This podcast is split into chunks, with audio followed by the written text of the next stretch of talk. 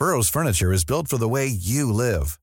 From ensuring easy assembly and disassembly to honoring highly requested new colors for their award-winning seating, they always have their customers in mind. Their modular seating is made out of durable materials to last and grow with you.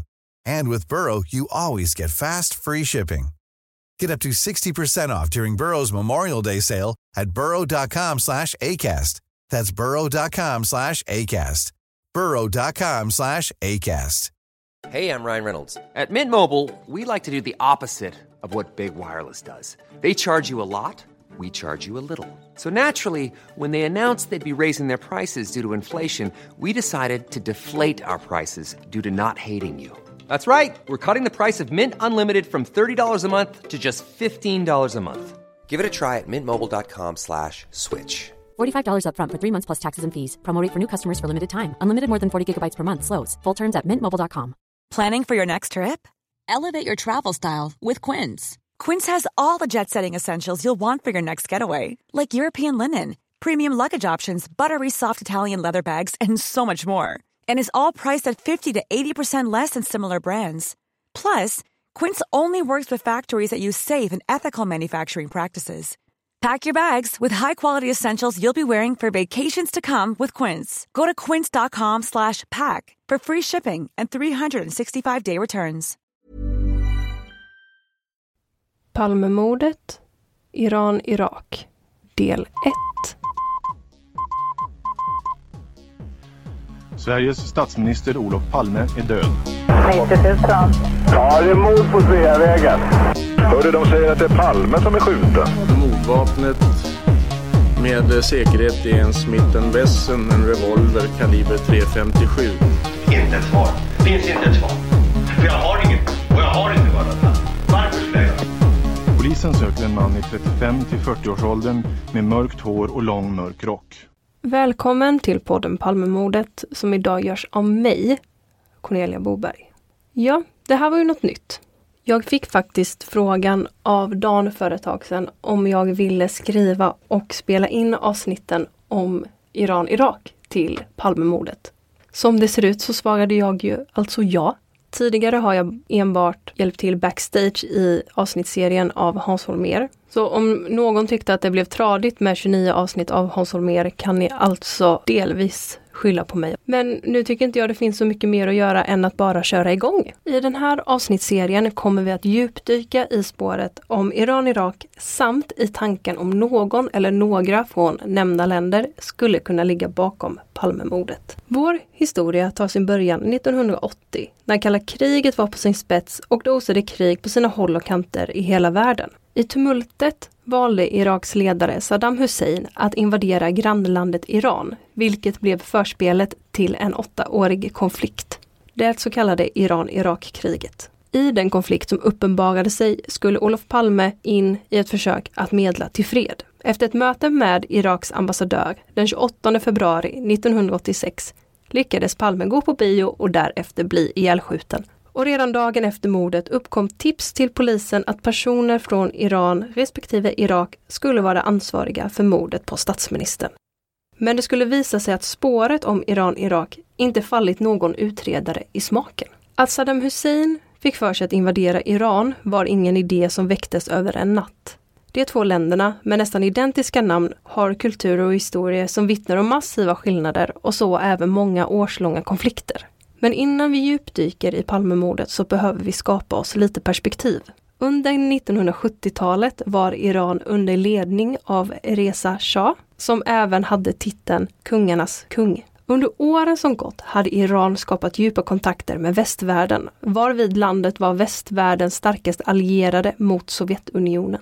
Sovjetunionen som hade som mål att expandera in mot Mellanöstern. Reza Shah hade väl utnyttjat sina vänskapsband med väst för att utveckla sin militär som han utrustade med västvärldens modernaste vapen, som exempelvis brittiska stridsvagnar. Stridsvagnar som var bättre i strid än de stridsvagnar som Sovjetunionen levererade till Irak. Dessutom investerade Iran i amerikanska F-14 stridsplan som vid den tidpunkten var de mest utvecklade flygplanen.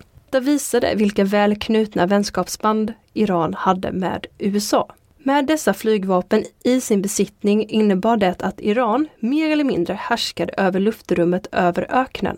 Amerikanska och brittiska underrättelsetjänster hade 1953 hjälpt Reza Shah att stabilisera sin position i det iranska parlamentet efter att det hade varit lite stridigheter. Men det skulle komma att bita tillbaka för väst. Reza Shah satt inte säkert på sin tron och det största hotet mot honom själv kom inifrån Iran. Och i syfte att förhindra andra politiska motståndare avfärdade Reza Shah landets parlament och iscensatte sin egen vita revolution. Den vita revolutionen var den omfattande reformation som resulterade i att levnadsvillkoren för landets befolkning utvecklades. I efterdyningarna av den vita revolutionen hade välstånd tagits från landets aristokrati och religiösa människor. Pengarna som togs från dem investerades i kulturella och teknologiska reformer. Och planen var att göra Iran till ett land likt väst, vilket motsattes av många iranier. De ansåg detta som ett hot mot deras kultur. Och snabbt bildades oppositionsgrupper med egna och eller ideologiska åskådningar. Gruppernas antal ökade frekvent. Utan någon särskilt överskridande framgång försökte Reza Shah motverka grupperingarna. En man vid namn Khomeini lyckades förena många av oppositionsgrupperna och i januari 1978 skred tusentals unga religiösa studenter till verket ut mot gatorna. Och det dröjde inte länge innan de fick sällskap av andra som också motsatte sig Reza Shah. Reza Shahs dagar var räknade. I ett försök att motverka oppositionsgrupperna beordrade Reza Shah sina militära styrkor att göra motstånd. Men om man kan sina revolutioner som genom åren omvandlat statsskick så vet man att skjuta skarpt mot protesterande folkmassor inte har en anmärkningsvärd större verkningsgrad. Militärens våld gav bara mer bränsle till brasan och den iranska revolutionen såg här dagens ljus. Reza Shah abdikerade den 17 januari 1979. Khomeini avsatte Reza Shahs regering och steg själv upp på tronen. Sittandes på tronen utropade Khomeini den Islamiska republiken Iran. Och för västvärlden var den iranska revolutionen inte bara förödande utan den var också pinsam. Gisslan togs från den amerikanska ambassaden i Teheran för hela världen att beskåda. En amerikansk opposition iscensattes i syfte att rädda dem bara för att räddningshelikoptern skulle krascha varvid nio personer omkom. Problemet för väst var att de satt vapen i händerna på några som till en början varit deras allierade för att nu helt enkelt kunna klara sig på egen hand. Vid tidpunkten som makten skiftades i Iran utbyttes makten även i grannlandet Irak. Den 16 juli 1979 var president Ahmed Hassan al-Bakar tvungen att stiga ner från sin tron som ett resultat av en politisk intrig med ställföreträdaren Saddam Hussein. Båda dessa herrar var medlemmar av Iraks ledande parti som utlovade arabisk nationalism under en arabisk tolkning av socialismen. Grannlandet Syrien styrdes vid tillfället också av samma parti, men al-Bakr hade påbörjat en förhandling med att förena Syrien och Irak till ett enda land. om detta skulle skett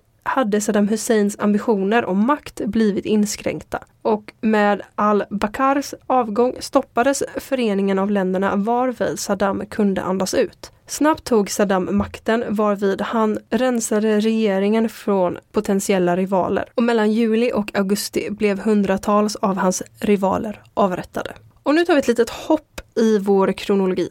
Mellan åren 1960 och 1975 hade kurdiska krigare och iranska trupper utkämpat stridigheter i norra Irak. Kurderna ville bli självständiga varvid Iran skickade stöd till kurderna. Stöd från Iran upphörde 1975 när Algeravtalet skrevs under den 6 mars av Reza Shah och Saddam Hussein. Vid tidpunkten var Saddam Hussein vicepresident i Irak. Avtalet fastslog att gränsen mellan länderna skulle markeras vid gränsfloden Chat al-Arab i utbyte att Iran skulle upphäva sitt stöd till kurderna i norra Irak. Och det var ett motvilligt Irak som skrev under avtalet, men de var tvungna att få ett avslut på det kurdiska kriget. Landsgränserna vid floden Chat al-Arab justerades mest till fördel för Iran.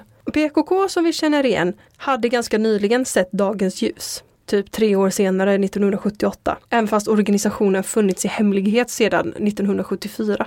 Men just för stunden höll de mest hus i Turkiet, så Hans Holmér kan fortsätta att leva i lugn och ro. Saddam hade hot mer närliggande än grannlandet Iran. Han och hans kompanjoner tillhörde Iraks sunnimuslimer, vilket var en minoritet i landet. Khomeini i Iran var shia-muslim. Saddam var rädd att en liknande revolution som den som hände i Iran kunde hända i sitt eget hemland Irak. Och den politiska instabiliteten i Iran efter revolutionen samt den nyfunna rivalen gick inte obemärkt förbi Saddam.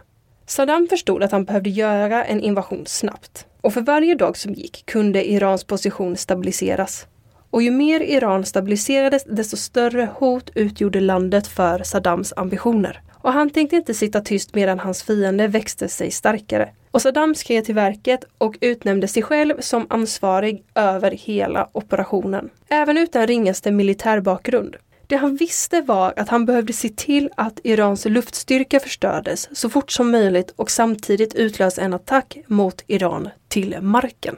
Skulle planen lyckas skulle Iran ha otroligt lite tid till sitt förfogande att iscensätta en respons. Och kunde inte Iran slå tillbaka hade invasionen varit överstökad på nolltid. Så, den 17 september drog Saddam sig ut ur Algeravtalet. Saddam hävdade att Irans nya regim inte höll sitt löfte och därmed kunde Saddam också dra sig ur det. Den 22 september 1980 gick Irak till attack. Planen iscensattes den samma dag när det irakiska flygvapnet överraskade Iran med ett luftangrepp.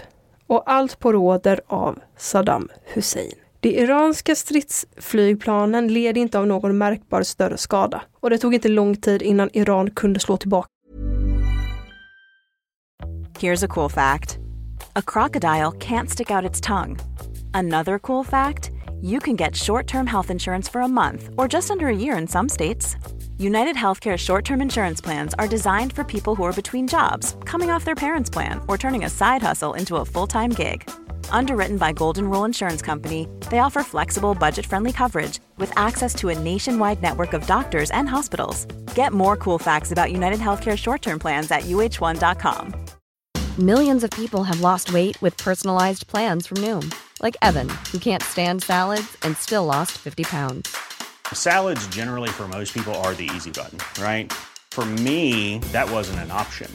I never really was a salad guy. That's just not who I am. But Noom worked for me. Get your personalized plan today at Noom.com. Real Noom user compensated to provide their story. In four weeks, the typical Noom user can expect to lose one to two pounds per week. Individual results may vary. Burrow's furniture is built for the way you live. From ensuring easy assembly and disassembly to honoring highly requested new colors for their award-winning seating, they always have their customers in mind. Their modular seating is made out of durable materials to last and grow with you. And with Burrow, you always get fast, free shipping. Get up to 60% off during Burrow's Memorial Day sale at burrow.com slash ACAST. That's burrow.com slash ACAST. burrow.com slash ACAST. Inom 24 timmar hade Iraks flygbaser själva hamnat under attack. Och så var kriget igång. Och igång skulle det vara i åtta år. Mitt i krigets lågor fick Olof Palme träda in i ett försök att medla till fred. FNs generalsekreterare Kurt Waldheim utsåg Olof Palme till FNs medlare med stöd av FNs säkerhetsråd. Och när Olof Palme anammade rollen som medlare hade kriget pågått i cirka två månader. Palme hade som önskemål att en svensk diplomat skulle stå till hans förfogande, varvid Palme hade samtalat med dåtida utrikesminister Ola Ullsten. Efter samtalet med Ola Ullsten hade männen beslutat att Jan Eliasson skulle tillfrågas om posten. Och dagen efter ringde Olof Palme helt enkelt upp Jan Eliasson och berättade om planerna. I sin självbiografi Ord och handling, ett liv i diplomatins tjänst beskriver Eliasson att han blev hedrad av förfrågan. Dock var Eliasson tvungen att diskutera detta nykomna uppdrag med sin fru Kerstin. Palme hade jakande relaterat till Eliassons tveksamhet samt refererat tillbaka till samtal med hans egen fru Lisbeth. Palme hade sagt citat Jag förstår att du måste tala med Kerstin, men kan du göra det snabbt? Du är bokad på New York-planet imorgon för möte i övermorgon med generalsekreteraren och FNs säkerhetsråd. Och med åren och krigets fortsatta intensifiering kom Palme och Eliasson att arbeta väldigt nära varandra. Och mellan åren 1980 och 1982 reste de ofta tillsammans till FN i New York och Genève. Den 24 november 1980 reste Palme till Bagdad för att tala med Saddam Hussein. En exakthet om vad de talade om förtäljer inte historien, men det blev ju inte fred i alla fall. Irak med Saddam krävde att Iran och deras ledare Ayatollah Khomeini skulle sluta sprida Shia-revolutionen till Irak och att Saddam skulle ha fullständig kontroll över Chat al-Arab medan Iran i sin tur krävde eldupphör och att Irak skulle retirera. Och desto längre Iraks trupper trängde in genom Iran, desto mer intensifierades kriget. Runt ett 70-tal fartyg hade fastnat i hamnar i floden Chat al-Arab, vilket resulterade att sjöfarten i Persiska viken var utsatt och det skulle kunna påverka exporten av olja. De omkringliggande länderna ställde sig på Saddams och Iraks sida. Inte nödvändigtvis för att de tyckte om Saddam utan snarare för att de själva var rädda för spridningen av den iranska revolutionen. Och världens stormakter såg på medan kriget allt mer intensifierades utan några som helst större åtgärder. USA hamnade på Iraks sida efter att Reza Shah fallit i Iran och gisslantagandet av USAs ambassadpersonal i Teheran 1979. Första resolutionerna från FNs säkerhetsråd var krav på ett direkt eldupphör. Iran godtog inte denna resolution utan krävde tillbaka den internationellt erkända gränsen innan några som helst förhandlingar kunde börja. Sammanfattningsvis ville Irak fortsätta att invadera Iran medan Iran inte tänkte gå med på några förhandlingar förrän Irak retirerat. I Iran pågick en kamp om makt mellan religiösa ledare, mullor och en västlig orienterad falang under ledning av president Abol Hassan Bandasir. Palme fick inte bara medla mellan länderna utan även inom Irans olika grupperingar. Jan Eliasson skrev citat och i dessa möten såg jag Palmes politiska talanger och förmåga att skapa kontakt med vitt skilda parter och personligheter. Den religiösa ledaren ayatollah Mohammad Beheshti hade bestämt möte med Palme och Eliasson. Beheshti var efter Irans revolution den sekundära personen i Irans politiska hierarki. Beheshti hade tidigare varit mulla i Hamburg i fem år medan Palme och Eliasson var de enda i FN-delegationen som talade tyska. Och på tyska försökte dessa tre herrar komma underfund med någon form av lösning. Beheshti var orolig för vad det kriget i det långa loppet kunde medföra. Palme försökte medla fram en flera stegsplan där målet var fred. Stegen innebar att släppa loss de strandade fartygen i Chat al-Arab, få stopp på artilleribeskjutningen av civila mål, säkra trafiken i Persiska viken med mera. Och Palme menade att detta i sin tur kunde lägga grunden för en bredare politisk uppgörelse. Och vid detta förslag hade Beheshti samtyckt. Mötet hade ägt rum i juni 1981. Och veckan efter hade Palme och Eliasson landat i Bagdad där de fått information om att Beheshti och ett 70-tal andra offer hade dödats i en terrorattack i Teheran den 28 juni 1981. Terrorattacken var iscensatt av den iranska Mujahedin el-Khalq-rörelsen som var en iransk marxistisk islamistisk oppositionsgrupp vars mål var att störta den iranska regeringen i syfte att enligt dem själva, skapa ett demokratiskt och sekulariserat Iran. Väldigt tidigt var gruppen allierad med Saddam Hussein. Enligt Eliasson hade Beheshti haft möjligheten att förhindra en identifiering av kriget och på det viset kunnat påbörja en grund för en fredsprocess. Med tiden hade Palme och Eliasson lyckats få igenom skydd för sjöfarten och även för civilbefolkningen i gränsområdet mellan Iran och Irak. Däremot, det 70-tal fartyg som var strandade i gränsfloden Chat al-Arab lyckades de inte få bukt på. Länderna godkände inte ett eldupphör för att ge tid till muddring och fri väg ut ur floden. Kruxet var egentligen att båda parterna ville betala för operationen eftersom det markerade att deras egna länder hade jurisdiktion över området. Och den internationella gränsmarkeringen som ifrågasattes av Irak gick mitt genom farleden enligt den så kallade Talweg-principen som grundades i Algeravtalet 1975. Processerna för medling mellan länderna blev långa och besvärliga för Palme och Eliasson. I Teheran samtalade de med olika makthavare såsom Bandasir och Ali Akbar Hashemi Rafsanjani som var parlamentets talman. I Bagdad träffade de Saddam och utrikesministern Tariq Aziz. Enligt Eliasson var Saddam ovan vid kritik och lyssnade på deras kommentarer med både nyfikenhet och förakt. Eliasson och Palme träffade Saddam tre gånger under medlingsprocessen medan Eliasson mötte honom ytterligare två gånger efter att Palme blivit mördad. Mötena uppgick i totaltid på 28 timmar för Eliasson. Och inför mötena, som ägde rum på kvällarna, var det viktigt att inte avslöja destinationen och därför fraktades Eliasson och Palme i långa och vimlande bilfärder strax innan. Saddams medarbetare gjorde aldrig några försök att hänge sig till förhandlingarna. All diplomati låg hos Saddam själv. Saddam hade en person vid sin sida vars enda uppgift var att tädda hans cigarrer. Och kritik och ifrågasättande av handlingar var förmodligen ingenting som Saddam hade upplevt tidigare. Om kriget skulle fortskrida eller upphöra låg helt i Saddams händer. Målet var att få Saddam att erkänna de ursprungliga gränserna och få Irak att retirera från Iran. Och till en början i kriget hade Irak övertaget och då vägrade Saddam helt att retirera om ens att tala om det. Senare lyckades Iran ta tillbaka en del av sitt territorium och då blev Saddam ställd och tveksamheten smög sig över honom. När kriget inte gick till Saddams fördel indikerade Saddam på användning av kemiska vapen för att trappa upp konflikten. Palme blev bestött över detta och därmed uppmanade Palme Eliasson att ringa till en av generalsekreterarens närmaste medarbetare och berätta om deras upplevelser. Det utsågs en utredningsgrupp som också också sändes till området. Och säkerhetsrådet var försvagat av stormaktsspänningar och rapporten skapade ingen förändring. I en artikel publicerad i Washington Post den 25 november 1980 sades följande. FNs fredssändebud Olof Palme avslutade en veckas samtal med iranska och irakiska ledare idag och verkade nöjd med det första steget i hans ansträngning att nå en överenskommelse om ett slut på kriget i Persiska viken nu inne på sin tionde vecka. Och när Palme reste till New York fortsatte kriget likt tidigare. Pars, Irans officiella nyhetsbyrå, hade rapporterat att iranska styrkor inledde en attack mot irakiska inkräktare vid Avaz en stad i sydöstra Iran. 500 soldater hade blivit dödade och 26 hade blivit tillfångatagna. Pars rapporterade att striderna fortsatte. Irans president Abul Hassan Bandasir menade att en irakisk brigad styrdes in mot Susangerd varvid 400 450 irakiska soldater dödades. Susangerd ligger strax intill Avaz.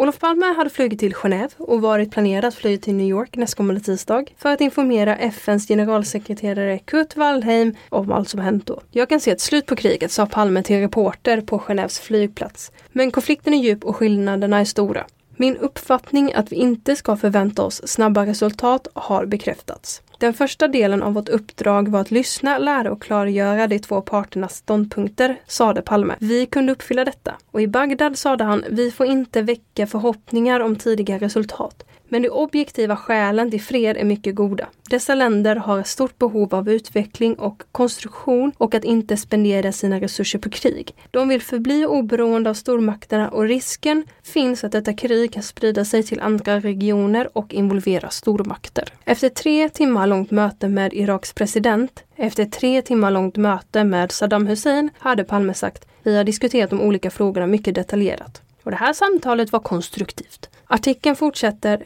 Palme träffade förra veckan Banazir och Irans premiärminister Mohammed Ali Raji och besökte sedan den iranska krigsfronten vid Desful och Kermanshah.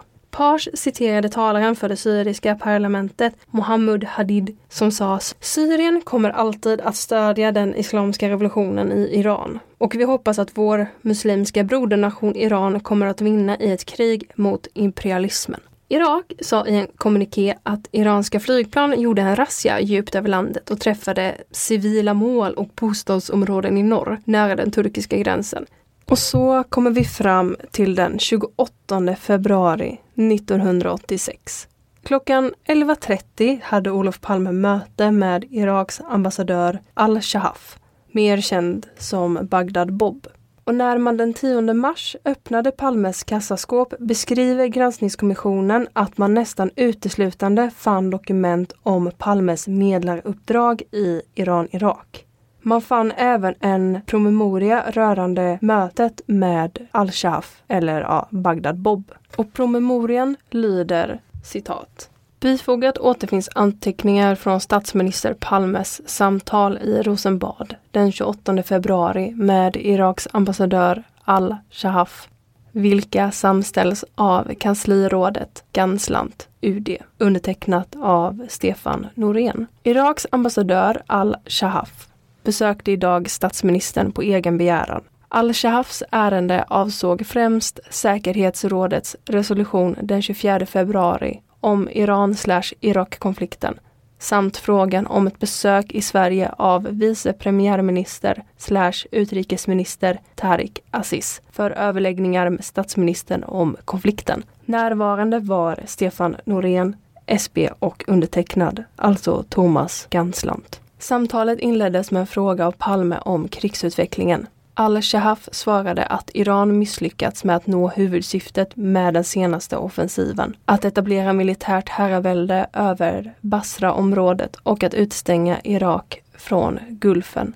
De iranska ställningarna i Fav-området var nu helt kringrända och irakierna var säkra på att kunna slå tillbaka de iranska styrkorna. Detta skulle dock ta viss tid, kanske några veckor, Beträffande den senaste iranska framstöten i norr, i Kurdistan öster om Salumaya, sade al-Shahaf att denna saknade strategiskt värde. Dess syfte var att avleda uppmärksamheten från Irans militära misslyckande i söder. Palme frågade, med hänvisning till de kontakter han haft med FNs generalsekreterare, vad ambassadören ansåg om säkerhetsrådets resolution den 24 februari. Han anmärkte att hans samtal med generalsekreteraren kring denna varit begränsade till säkerhetsrådsbehandlingens tidigare skede. Al-Shahaf svarade att man på irakisk sida var i färd med att studera resolutionen. Den irakiska ståndpunkten skulle emellertid bli beroende av Irans hållning. Om Iran accepterade resolutionen skulle Irak också göra det.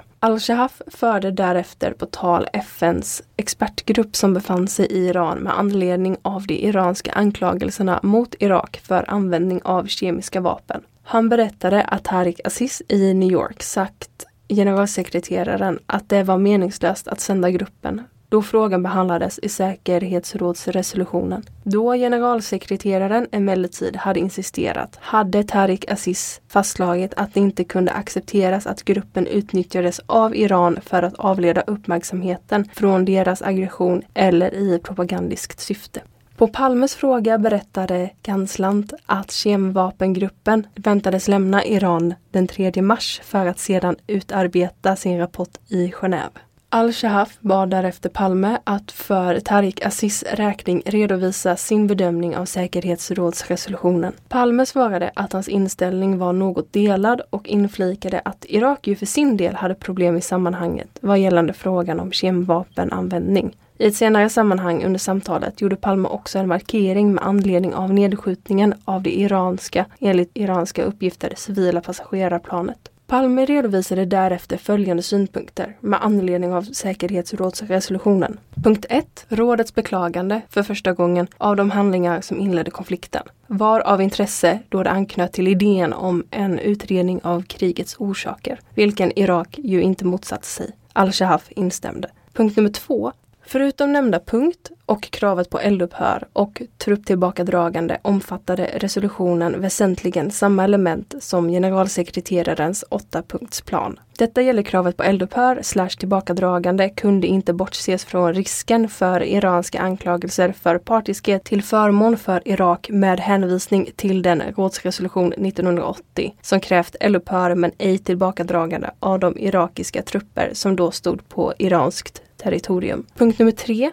Det mest positiva i den senaste rådsresolutionen var det förtroende som visades generalsekreteraren. Resolutionen gav denne fria händer att fortsätta att arbeta på grundval av åttapunktsplanen. Iraniernas agerande i samband med säkerhetsrådets förhandlingar, deltagande i informella konstellationer, cirkulering av uttalanden som säkerhetsrådsdokument, uttalanden vid dagliga presskonferenser, undertecknas, visade att det i sak tillmätte rådet betydelse. Nästa punkt, intressant att notera var vidare det självständiga sätt på vilket säkerhetsrådets tio icke-permanenta medlemmar, danskar, australienare och andra agerat i detta ärende som varken var en öst väst eller nord sydfråga. Palme konstaterade att generalsekreteraren nu hade att överväga hur han fortsättningsvis kunde agera. Denna hade av Palme fått rådet att avvakta något. Al-Shahaf sade att generalsekreteraren fortsättningsvis kunde agera på grundval av resolutionen som förutom åttapunktsplanens element innehöll ett beklagande av konfliktens inledande handlingar och krav på eldupphör slash trupptillbakadragande.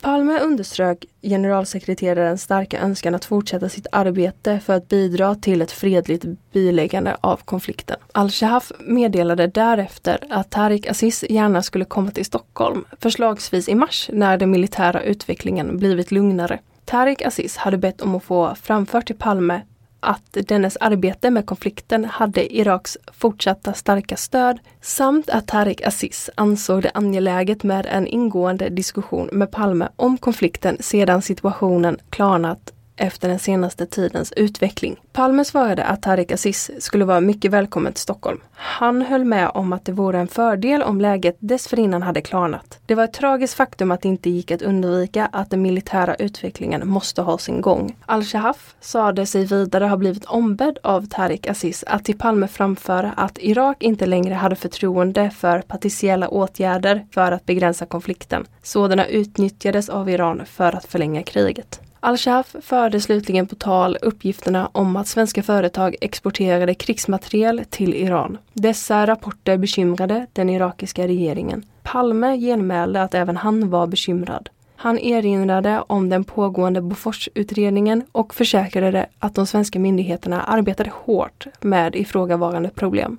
Och därmed avslutade samtalet, undertecknat av Thomas Ganslant. I en artikel som publicerades i Aftonbladet den 19 april 2003 skrev Osin Cantwell om Bagdad Bob, som också gick under smeknamnet Komiske Ali. Vi vet ju att Palme träffade Bagdad Bob samma dag som han mördades. Men i artikeln framgår det att, att eh, Rikskriminalens chef Lars Nylén inte kunde bekräfta detta samt att en före detta högt uppsatt polis i Palmegruppen skall ha sagt citat jag minns att de träffades någon dag före mordet. Vi lade ganska stor vikt vid det där. Palmes sista vecka i livet var oerhört viktig och uppdraget som medlare i kriget var överhuvudtaget intressant. Men vi kom aldrig någon vart med det där. Och det går att fråga sig varför Lars Nylén inte kunde bekräfta mötet mellan Olof Palme och Bagdad Bob.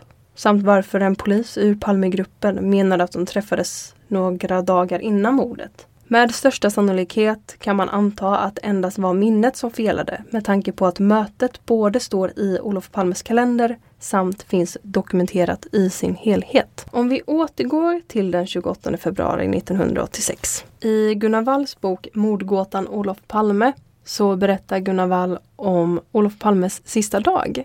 Det berättas om Birgitta Dahl som vid tidpunkten var biträdande industriminister som vid ett senare tillfälle hade berättat att när Palme vid klockan 13.20 kom in på statsrådslunchen verkade han upprörd. Något som var betydande anmärkningsvärt enligt henne. Birgitta hade sagt något i stil med Kan du inte ta ditt järn och lite mat och sätta dig ner så blir det bättre. Palme hade gjort som han blivit tillsagd. Om han blivit upprörd på grund av mötet med Bagdad Bob vet vi inte.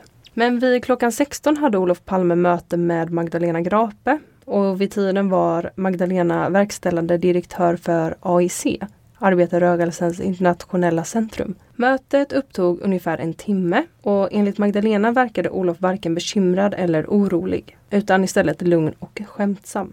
Men Ulf Dahlsten säger i Stig Edlings dokumentär Satans mördare från 1995 citat Olof Palme var en känslomänniska. Han växlade ofta i humör och den här dagen hade han sina glada stunder och mindre glada stunder. Jag vet att han var irriterad vid något tillfälle, att han inte hittade något han sökte efter som han hade ägnat en bra stund att försöka hitta. Inga-Lena Wallin berättade i samma dokumentär om Palmes assistent Ann-Marie Wilson som varit orolig denna dag. Hennes mor hade samma dag fått en tid för en höftledsoperation. Olof Palme hade försökt lugna Ann-Marie och berättat att han en gång besökt ett sjukhus där man gjorde höftledsoperationer. Varvid han hade fått med sig reservdelar. Och det långa sökandet för Palme hade givit föga resultat. Om det var detta Ulf Dahlsten menade att Palme letade efter och blev irriterad över går ju inte att fastställa. Och det är också smärre anmärkningsvärt att ställa sig frågan varför någon skulle ge en höftledsprototyp till en statsminister som var på besök. Så det verkar ju vara lite olika sinnesstämningar för Olof i hans sista dag i livet. Men som sagt, vi vet ju inte om det är på grund av Bagdad Bob eller inte.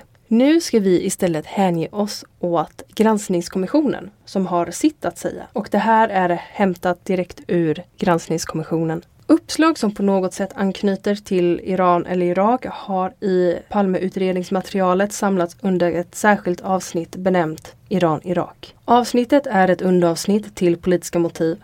Avsnittet består huvudsakligen av uppslag innehållande tips och teorier om att Iran-Irak, någon till dessa länder knuten organisation, annan sammanslutning eller enskild person ligger bakom mordet på Olof Palme. Det innehåller cirka 100 uppslag. Av dessa inkom omkring 25 redan första månaden efter mordet. Fram till den 31 december 1988 hade knappt 80 uppslag kommit in och därefter, så långt vår granskning sträckt sig, således drygt 20. Generellt gäller det tips som kom in första månaden oftast innehåller mer konkret information om misstänkta gärningsmän. Därefter synes uppgifterna i tipsen successivt ha blivit abstrakta och mer motivinriktade. Imagine the softest sheets you've ever felt. Now imagine them getting even softer over time. That's what you'll feel with Bowl and Branch's organic cotton sheets. In a recent customer survey, 96% replied that Bowl and Branch sheets get softer with every wash. Start getting your best night's sleep in these sheets that get softer and softer for years to come. Try their sheets with a 30-night guarantee. Plus, get 15% off your first order at bowlandbranch.com. Code BUTTERY. Exclusions apply. See site for details. Planning for your next trip? Elevate your travel style with Quince. Quince has all the jet setting essentials you'll want for your next getaway, like European linen, premium luggage options, buttery soft Italian leather bags, and so much more. And is all priced at 50 to 80% less than similar brands. Plus, Quince only works with factories that use safe and ethical manufacturing practices. Pack your bags with high-quality essentials you'll be wearing for vacations to come with Quince. Go to quince.com/pack for free shipping and 365-day returns.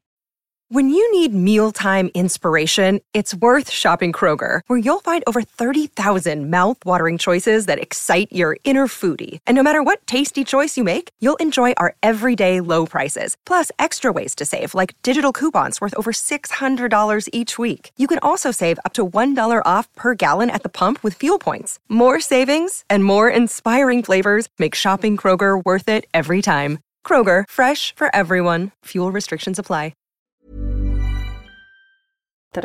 Helt hypotetiska uppslag om vilka som ligger bakom mordet eller om motivet för mordet har blivit vanligare. Liksom sådant som inte är möjliga att utreda. Som exempel på helt hypotetiska tips kan nämnas en person som i januari 1993 utan att kunna precisera vad han grundade det på uppgav sig tro att Amalmilisen skulle ligga bakom mordet. Som exempel på tips som inte är möjliga att utreda kan nämnas ett brev till Palmeutredningen från december 1987 där en anonym uppgiftslämnare påstod att en inte angiven iransk Khomeini-trogen student fick order om att mörda Olof Palme. Av uppslagen i avsnittet är ett tiotal helt utan verklighetsanknytning eller annars inte värda att ta på allvar. Ett sådant uppslag innehåller till exempel ett brev från en man som uppger att han fått en uppenbarelse av innebörd att han med hjälp av 1986 års telefonkatalog över Bagdad kunde peka ut Olof Palmes mördare. Ett annat utgörs av ett tips som inkommit från några personer som lekt anden i glaset varvid de fått kontakt med andra sidan och på så sätt erhållit information om mordet. Åtminstone Fem uppslag innehåller tips om personer som påstås uppvisa likheter med den så kallade fantombilden. Flera av uppslagen, i vart fall sju, är sådana att uppgiftslämnaren kan misstänkas vilja komma i åtnjutande av någon förmån såsom ersättning för lämnande uppgifter, till exempel politisk asyl, inresetillstånd till Sverige eller ekonomisk ersättning. Några uppslag, åtminstone fem, har handlagts över en längre tid.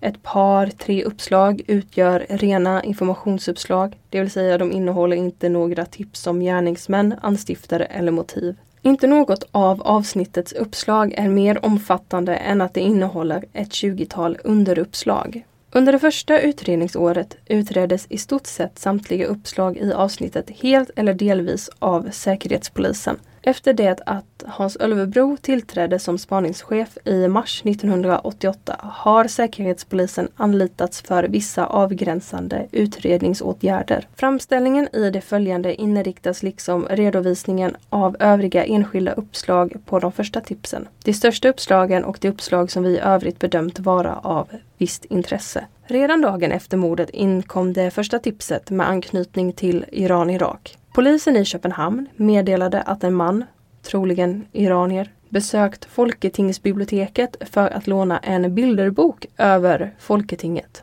Denna fanns inte, men skulle sändas till mannen under ett visst namn på en postlådeadress i Spånga. Samma man skulle enligt uppgift senare ha kommit till Limhamn där han skulle sagt åt polisen att citat kolla svensk polis och Palme.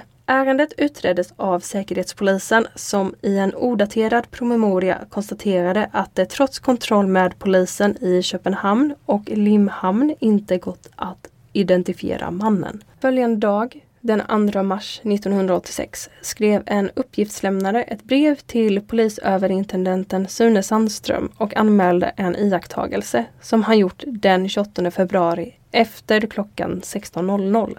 Uppgiftslämnaren hade passerat Sergels torg där det pågick en demonstration mot kriget mellan Iran och Irak. Han hade lagt märke till tre män som stod lite vid sidan. En av männen hade varit i 25 till 35 års åldern och haft mustasch. De andra två männen hade varit betydligt yngre och i en promemoria daterad den 25 april 1986 konstaterade Säkerhetspolisen att det inte gått att identifiera männen men att demonstrationen haft ett 75-tal deltagande och allt gått lugnt till. Den 3 mars hörde en annan uppgiftslämnare av sig till polisen. Han hade under eftermiddagen den 28 februari iakttagit en man som han bedömt vara iranier eller irakier på Riksgatan mellan riksdagshusen. Personen hade varit 35 40 år och burit en brun överrock. Han hade verkat påverkad av något, varit aggressiv och minst tre gånger ropat Olof Palmes namn. Säkerhetspolisen uttalade i en promemoria att tipset inte varit bearbetningsbart. Samma dag, den 3 mars, inkom ett anonymt tips till Södertäljepolisen om en man, Josef H, boende i Södertälje. Denne var enligt uppgiftslämnaren innehavare av en pistol och åkte omkring i en vit 484 Porsche. Ett par dagar senare konstaterade Säkerhetspolisen i Helsingborg palmutredningen och uppgav att den iranske medborgaren Josef H försökt lämna landet via Helsingborg-Helsingör tidigt på morgonen den 4 mars. Eftersom Josef H saknade pass hade han förvägrats utresa. Enligt Säkerhetspolisen i Helsingborg var Josef H medlem i en assyrisk förening och känd för att syssla med vapen och ammunitionsaffärer samt med narkotikahandel. Josef H var tidigare dömd för bland annat misshandel och den 6 mars inkom ytterligare ett tips om Josef H från en man som tidigare bott tillsammans med en kvinna som Josef H nu var tillsammans med. Mannen uppgav att Josef H hade en revolver hemma och att han arbetade på irakiska ambassaden. Den 17 mars följdes uppgifterna från Säkerhetspolisen i Helsingborg upp den 21 mars meddelade Södertäljepolisen i ett brev till Palmeutredningen att man på grund av misstanke om olaga vapeninnehav samma dag gjort en husrannsakan i Josef Hs bostad varvid man funnit en ollonpistol av Smith Wesson typ och en stilett. Förhör med Josef H hade också hållits och i en promemoria daterad den 23 april 1986 konstaterade Säkerhetspolisen att Josef H inte längre var aktuell i utredningen. Den 3 mars kom också ett tips om ett eventuellt motiv för mordet. En kvinna som arbetade vid Swede Health AB, ett företag som sysslade med export av sjukvårdstjänster, uppgav per telefon att Karolinska sjukhuset tidigare behandlat iranska patienter Klinikchefen hade vänt sig till Olof Palme eftersom de iranska myndigheterna försökt utnyttja patienterna som PR för sin sak i det heliga kriget. Uppgiftslämnaren misstänkte att Olof Palme därigenom hamnat i onåd hos iranska myndigheter.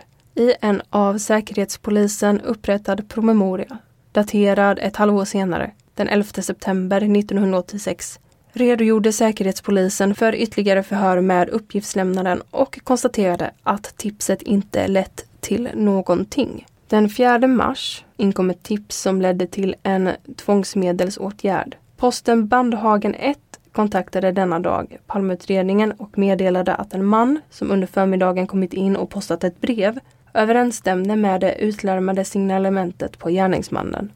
Han var cirka 180 cm lång, hade kraftig kroppsbyggnad, bar en halvlång mörkblå jacka och skinnmössa med öronlappar. Mannen hade skickat ett flygpostbrev per express till en adress i Frankrike. Som avsändare angavs iranska nationella motståndsrörelsen och en adress i Tullinge. Ärendet föredrogs samma dag för chefsåklagare KG Svensson som beslöt att brevet skulle tas i beslag och undersökas. Så skedde Brevet öppnades och en kopia av det skickades för översättning till svenska. Den 5 mars hävdes beslaget. Brevet förslöts på nytt och återsändes till postanstalten. I en promemoria daterad den 9 juni 1986 redogör Säkerhetspolisen för ärendet. Av promemorian framgår att brevskrivaren på inget sätt varit delaktig i mordet på Olof Palme. I nästa avsnitt om Iran-Irak kommer vi att fortsätta med granskningskommissionen. Om ni vill stötta podden så kan ni göra det på Patreon och det hittar ni på patreon.com palmemordet. Vill ni kontakta oss finns simwaypodcast@gmail.com Simway med Z. Tack till Dan och Tobias för det grymma arbetet som ni gör med podden. Och tack till Johan Lundqvist för all hjälp. Och tack till dig för att du lyssnar på Palmemordet. Man hittar Palmes mördare om man följer PKK-spåret till botten. För att ända sedan Julius Caesars tid har det aldrig hört talas om ett mord på en framstående politiker som inte haft politiska skäl. Polisens och åklagarens teori var att han ensam hade skjutit Olof Palme. Och det ledde också till rättegång. Men han frikändes i hovrätten.